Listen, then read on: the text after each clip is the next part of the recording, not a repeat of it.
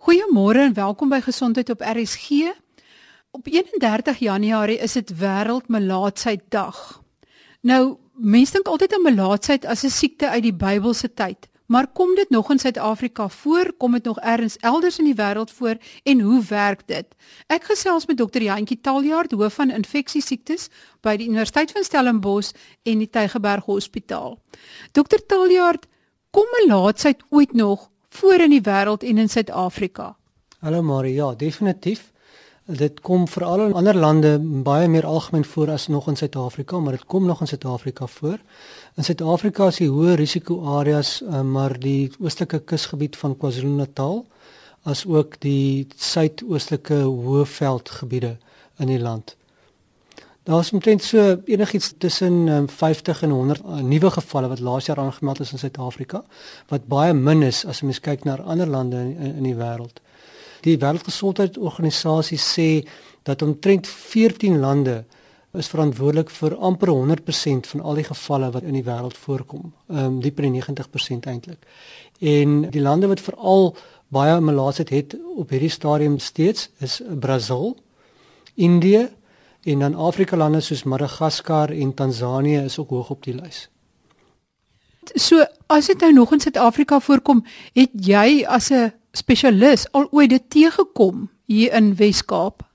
In die Wes-Kaap sien ons natuurlik miskien gevalle wat gemigreer het vanaf ander areas waar daar wel uh, nuwe gevalle voorkom.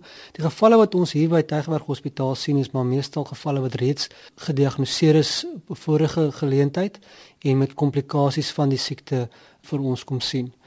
Dit is eintlik maar die groot ding van melaatsheid is mens wil die komplikasies en die veranderinge wat daar kan plaasvind in die senuwees en in die funksionaliteit van 'n persoon wil jy voorkom met vroeë diagnose en behandeling.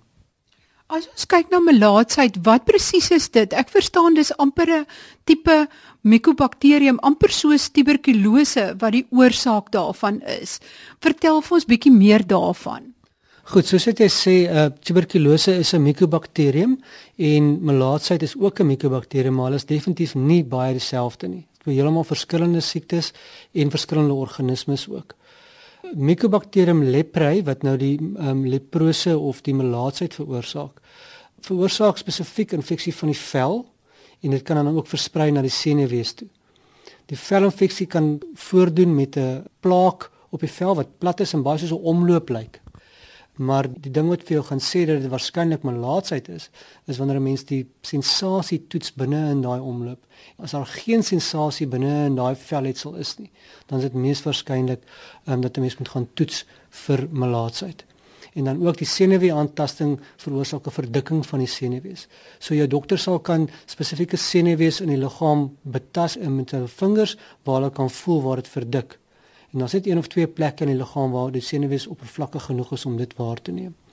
En daai twee dinge saam, 'n velletsel wat amper lyk soos 'n omloop, met ander woorde is ligter as die omringende vel, is die mees algemene velletsel en is gewoonlik plat plus senuweeverdikking, um, is baie baie verdag van onderliggende melaatsheid. Daar's ook ander tekens soos as die senuwees erg aangetast is, kan mens begin naalde en spelde in die hande en in die in die vingerskryf of in die voete en die tone of selfs 'n dooie gevoel in daai areas wat dan ook 'n uh, uh, teken is dat daar reeds al sien weer um, beskadiging is.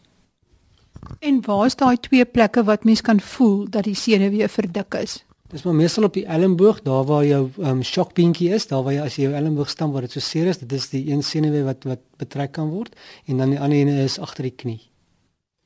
En dan wat maak hierdie Mycobacterium? Hy val nou die velse selle en die senuweeselle aan, maak hy dit dood of wat wat gebeur dan? Dit beskadig die senuwees sodanig dat 'n mens dan nou naderhand nie meer op jou vingers en jou, jou tone kan voel nie.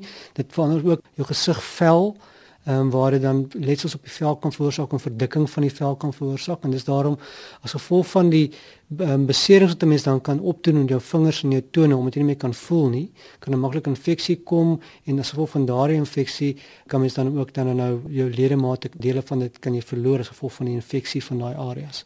En in jou gesig is natuurlik ook die die tekens op jou gesig, die velletsels en die verdikking van die vel lei dan ook tot sosiale verwerping ehm um, sowel as die ledemate wat mens kan verloor. So dit is ook 'n siekte met sosiale impak.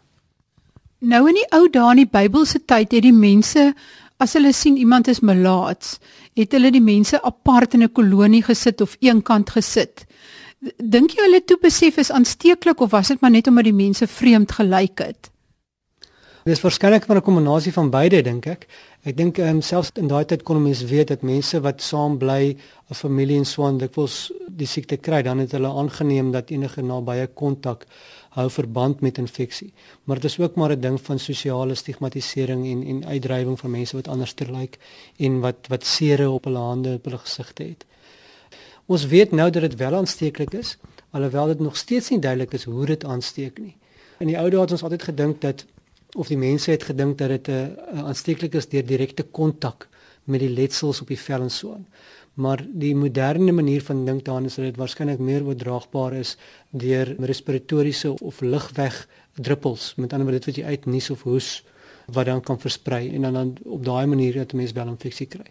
Die feit bly steeds dat dit redelike nabye kontak is wat nodig is om ons aangesteek te word. Ons praat van kontak van 1 of 2 meters van iemand af plus bykomstig tot dit is langdurige kontak. Met ander woorde, die persone wat saam bly in 'n huis, 'n familie, is baie meer geneig om aan te steek. Die ander ding is ook dat al het 'n mens die kontak, is die kans baie laag dat 'n mens aangesteek sal word. En so is nie 'n baie aansteeklike siekte nie. Is dit minder aansteeklik as tuberkulose? Ja, definitief baie minder aansteeklik as tuberkulose. Tuberkulose is ook nie aansteeklik deur die druppels wat versprei nie, maar dit kan eintlik in die lug versprei baie verder as wat melaatsheid kan versprei. So met ander woorde, jy kan aan een kant van 'n kamer staan en tuberkulose by iemand anders te kry wat gehoes het. Want dit is nie die groot druppeltjies wat dit versprei nie, maar baie klein druppeltjies wat in die lug kan sweef. En as ons nou terugkom na die simptome toe of hoe dit uitgeken word. Met ander woorde, as die ledemate begin ek kon amper weer teruggaan na die Bybelse tyd toe wat hulle sê wat die amper soos 'n arm wat afval of vingers wat afval. Dit is nie as gevolg van die bakterieë per se of as primêr as gevolg van die bakterieë nie, maar as 'n sekondêre effek omdat jy nie meer kan voel nie en dit dan kan beskadig of dat daar infeksie inkom en jy nie bewus genoeg daarvan word nie. Dis heeltemal korrek. Met ander woorde, dit is die infeksie en die feit ook dat daai sere wat jy dan op jou hande ontwikkel is nie pynlik nie, want jou senuwees kan nie vir sere seer nie. Dit kan onder op die voete ook wees. As daar dan infeksie bykom, dan lei dit tot vernietiging van die weefsel en dan kan daai dele van jou vingers en jou tone afval. En as dit baie erg word natuurlik groter dele ook. Dit sien ons nie meer hedendaags nie. Die groot probleem is net verswakkinge in die hande ook, sowel as verlies van sensasie. En natuurlik, omdat dit 'n senuweeskade is, kan dit soms as mens dit nie vroeg genoeg optel nie, kan dit permanent wees. Ek het ook gelees dat dit nogal 'n lang inkubasietyd het en 'n lang verloop het. Kan jy iets meer daaroor sê? Ja, definitief. Um, dit is 'n baie stadig groeiende organisme en dit kan eers uh, voordoen maande tot jare nadat 'n mens kontak gehad het met iemand. Soos ek gesê het, dit kan ook klein velletsels wees aanvanklik wat baie soos 'n omloop lyk, so 'n mens dink nie regtig aan melaatsheid as dit daar is nie en dit kan lank teenwoordig wees voordat dit dan ook deur iemand gediagnoseer word. En wanneer 'n mens die infeksie het, dan kan dit ook 'n stadige verloop hê sonder behandeling. So dit kan vir jare teenwoordig wees en stadig al hoe erger word maar dit wil mens natuurlik voorkom deur vroeë behandeling te gee en dit dan vroegtydig te genees voordat die senuwees aangetast kan word. Voordat ek my gesprek nou nou voortsit met dokter Jantjie Taljaard, hoof van infeksiesiektes by die Universiteit van Stellenbosch Mediese Fakulteit en die Tygerberg Hospitaal, wil ek net 'n paar interessante syfers oor melaatsheid met julle deel. Volgens die WHO was daar in 2015 meer as 175 000 gevalle in 138 lande en is meer as 210 000 nuwe gevalle in 2015 alleen gediagnoseer. Let daarop op dat 94% van alle nuwe gevalle kom van net 14 lande. Hierdie lande sluit dan in Indië waar daar hoë voorkoms is, Pakistan, Bangladesh, Brasilië ook met 'n hoë voorkoms en dan in Afrika, die DRK, die Sentraal-Afrikaanse Republiek, Angola, Mosambiek en Madagaskar en dan ook in Nepal. In Suid-Afrika word sowat 170 mense tans vir melaatsheid behandel en sowat 60 nuwe gevalle word jaarliks gediagnoseer. Die landelike gebiede van Mpumalanga, KwaZulu-Natal en die Oos-Kaap is die provinsies waar die meeste gevalle van melaatsheid voorkom. Die nuwe gevalle sluit in kinders jonger as 14 jaar. Buite die melaatses wat tans behandeling ontvang, is die melaatheids missie vir Suider-Afrika in kontak met sowat 20000 nie aktiewe leiers. Dit is mense wie se infeksie genees het en die infeksie is onaktief, maar hulle is steeds gestrem weens die komplikasies of die gevolge van die infeksie. Ek gesels nou verder met dokter Jantjie Taljaard, hoof van infeksie siektes by die Tygerberg Hospitaal en die Mediese Fakulteit van die Universiteit van Stellenbosch en ons gesels oor daardie ou ou siekte, melaatsheid wat al 600 jaar voor Christus deur die ou beskawings van China, Egipte en Indië beskryf is. Gaan kyk gerus op www.rsg.co.za. Daar's interessante inligting en feite oor melaatsheid en dan kan jy ook sommer sien hoe lyk hierdie Mycobacterium wat dan melaatsheid veroorsaak en ook interessantheidshalwe daar's 'n interessante foto op van 'n ou verlate kolonie in Kreta waar melaatses eeue gelede heen gestuur is. Gelukkig is hierdie kolonies nou verlate, soos wat Robben Eiland gelukkig nie meer melaatses hoef te hanteer nie. Maar ons sit die gesprek voort en kom ons kyk na die behandeling. Dokter Taljaard, is daar nou doeltreffende behandeling teen melaatsheid?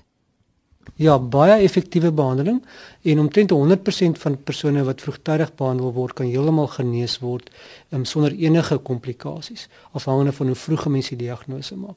As mens te lank wag om 'n diagnose te maak, kan jy dit nog steeds genees, maar iemand kan nog steeds sit met komplikasies soos skade aan die vingers en die tone of ander dele van die liggaam.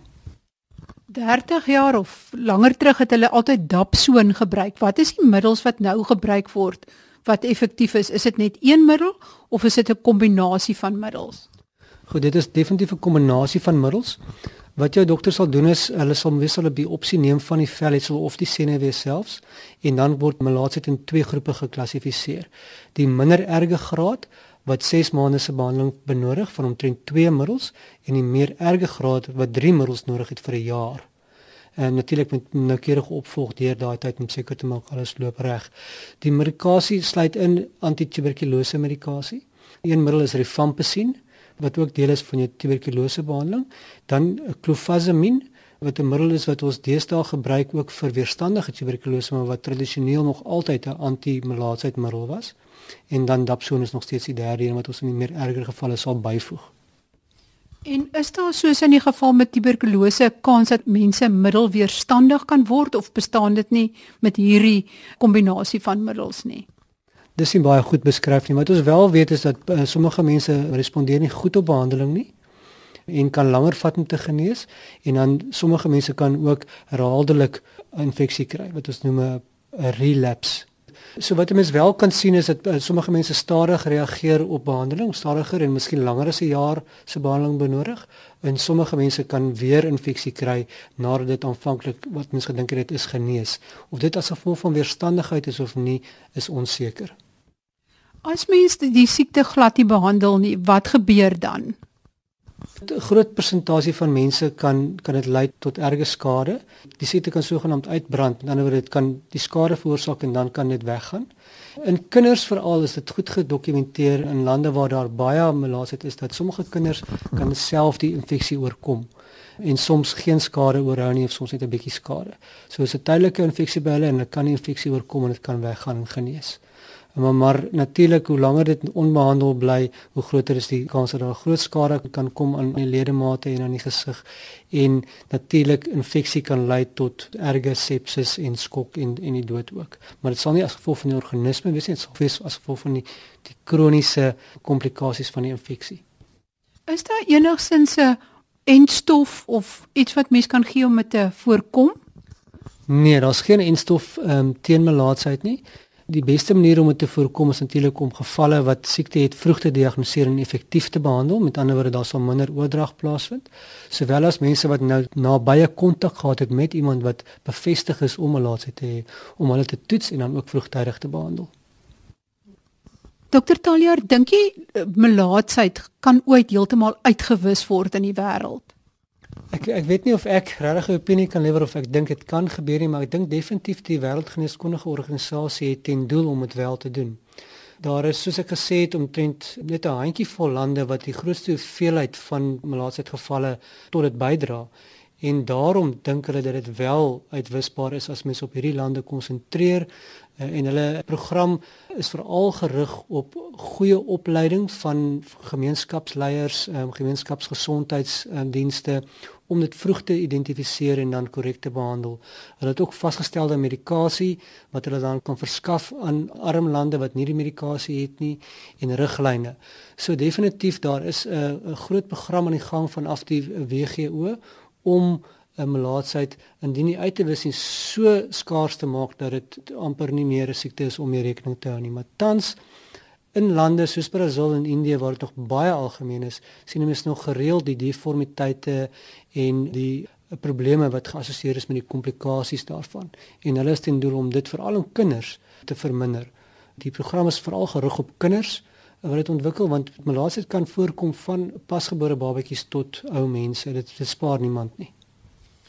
Ek het ook gelees dat dit nogal 'n lang inkubasietyd het en 'n lang verloop het. Kan jy iets meer daaroor sê? Ja, definitief. Um, dit is 'n baie stadig groeiende organisme en dit kan eers uh, voordoen maande tot jare nadat 'n mens kontak gehad het met iemand. Soos ek gesê het, dit kan ook klein velletsels wees aanvanklik wat baie soos 'n omloop lyk, so 'n mens dink nie regtig aan melaatsheid as dit daar is nie en dit kan lank teenwoordig wees voordat dit dan ook deur iemand gediagnoseer word. En wanneer 'n mens die infeksie het, dan kan dit ook 'n stadige verloop hê sonder behandeling. So dit kan vir jare teenwoordig wees en stadig al hoe erger word. Maar dit wil mens natuurlik voorkom deur vroeë behandeling te gee en dit dan vroegtydig te genees voordat die senuwees aangetast kan word. Baie dankie aan dokter Jantjie Taljaard, hoof van infeksiesiektes by die Universiteit van Stellenbosch en die Tygerberg Hospitaal vir hierdie interessante inligting oor melaatsheid. Ek dink daar's enkele dinge oor melaatsheid wat mens kan onthou. Die een is daar bestaan nog melaatsheid in die wêreld en dit is belangrik dat dit vroeg opgespoor moet word. Die belangrikste simptome om na op te let en dit is die vroeë simptome is 'n letsel op die vel wat lyk soos 'n omloop. Weet 'n witterige skrynerige letsel. En die belangrikste ding is om die letsel is daar 'n gevoel van doodsheid van die vel. So 'n gevoellose vel rondom die omloop tipe letsel. Dan die ander belangrike simptoom is verdikking van die senuwee en dan veral hier so by jou elmboog, hier by jou gottabindjie wat so seer is as jy daarin stamp, daar raak die senuwee erg verdik en ook agter jou knie. Dit is belangrik om te weet daar is effektiewe behandeling. Dis 'n kombinasie van 3 middels, 2 of 3 middels wat gegee word en dit kan baie doeltreffend behandel word. Dit is ook belangrik om daarop te let dat dit kan weer terugkeer So dit kan 'n terugkerende siekte wees wat 'n tyd lank slymer en dan weer na vore kom. Gelukkig is daar bitter min gevalle in Suid-Afrika, maar dit is tog belangrik om hierop te let. En dan net voordat ek afsluit, ek het week 2 van die skud dit af eetplanne op die webwerf gelaai, so week 1 en week 2 is nou reeds daar en dit is vir 'n goeie afskop vir 2017 nadat so baie luisteraars daarvoor gevra het. Volgende week gesels ek met Tot volgende week dan. Totsiens.